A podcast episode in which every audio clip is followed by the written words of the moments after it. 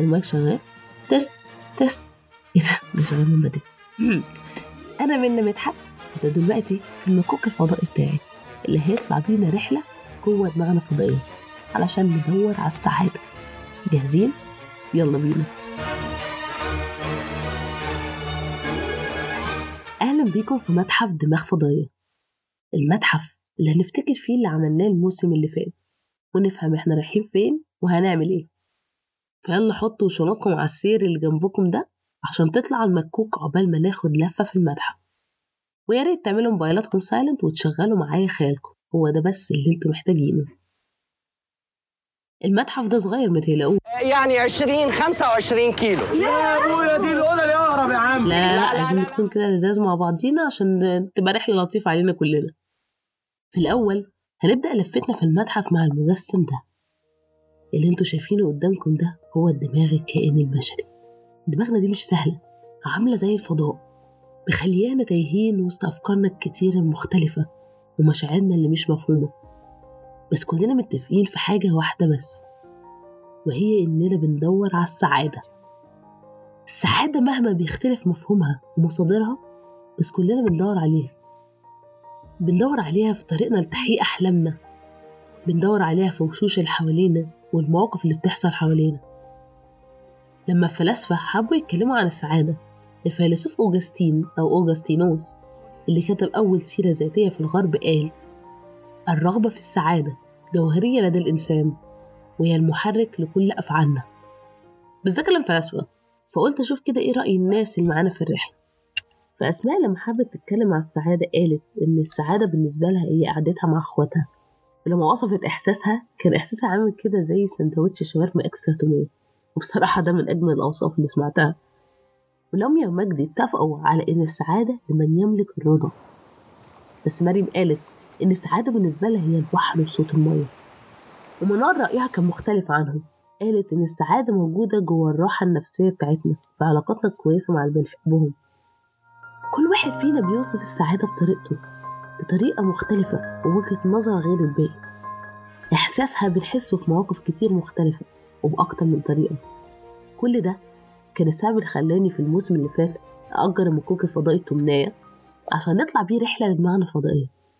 الموسم الأول ركبنا المركبة الفضائية بتاعتنا وبدأنا الرحلة دي زي ما باين في الصور المتعلقة على الحيطة قدامكم. زرنا فيها كواكب كتير عشان نتعلم يعني إيه سعادة أصلا. ودماغنا بتعرفنا إزاي إننا مبسوطين. وساعتها رحنا لخمس كواكب. واحد كان اسمه العطاء. اللي فهمنا فيه إن kindness is contagious. لما بتعمل حاجة خير للناس وحاجة طيبة لحد دي بتبقى حاجة معدية. وإن هو كمان بيحب يعمل خير لحد تاني. بعد كده رحنا لكوكب العلاقات. وفهمنا تأثير العلاقات اللي حوالينا في سعادتنا بيكون إزاي. والتالت كان الرياضة. ساعتها كنا قاعدين في الحظر وحالتنا صعبة جدا.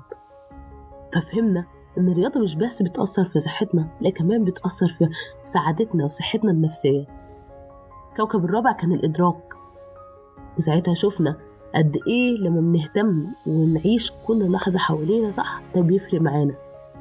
والأخير كان المحاولة. كنا بنتكلم فيه عن أهمية السعي إنك لما تسعى بتوصل لأماكن متوقعتهاش. اوعى تكون ما سمعتش الحلقات اللي فاتت. كده كده لو ما سمعتهاش هتلاقيها موجودة كلها هنا على أنغام تقدر تسمعها دلوقتي عادي جدا. ولو سمعتها ادخل يلا مكوك الفضاء الجديد عشان نبدأ رحلتنا الجديدة. اللي هتكون مختلفة شوية. بس قبل ما تقعدوا كل واحد يختار كرسي مريح يقعد عليه واختار كويس الشخص اللي هيقعد جنبه. عشان مش ناقصين خناقات على المكوك ومش هنعرف نقف على جنب. خلاص؟ كله قعد وجاهز للرحلة؟ يلا بينا. رحلتنا المرة دي زي ما قلت لكم هتكون مختلفة شوية.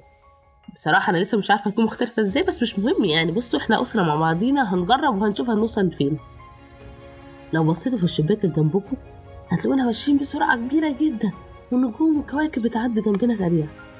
وده لأننا رايحين لكوكب بعيد قوي. كوكب بتاعنا إحنا كوكب في خيالنا ومن صنعنا. الموسم ده إحنا هنعمل كوكب السعادة بتاعنا بالشكل اللي نفسنا فيه. وبكل تفاصيله اللي بنحبها. وده محاولة مننا إننا نفهم نفسنا أكتر ونفهم السعادة ممكن نلاقيها فين. وكمان هنقابل ضيوف فضائيين نتعلم منهم اللي ما قدرناش نتعلمه من أي بني آدم عادي. بس قبل ما نوصل الكوكب ده أقول لكم على حاجة اكتشفتها نجربها مع بعض الأسبوع ده ونشوف هل هي فعلا حقيقة ولا لأ. في الموسم ده كل حلقة هنجرب حاجة مختلفة ونقعد طول الأسبوع بنجربها ونشوف تأثيرها فعلا بيأثر فينا ولا لأ. كنت بتفرج امبارح على برنامج على نتفليكس اسمه 100 Humans Life Questions Answered.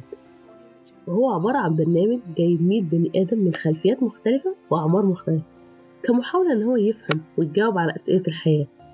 فكانت الحلقة بتتكلم عن السعادة.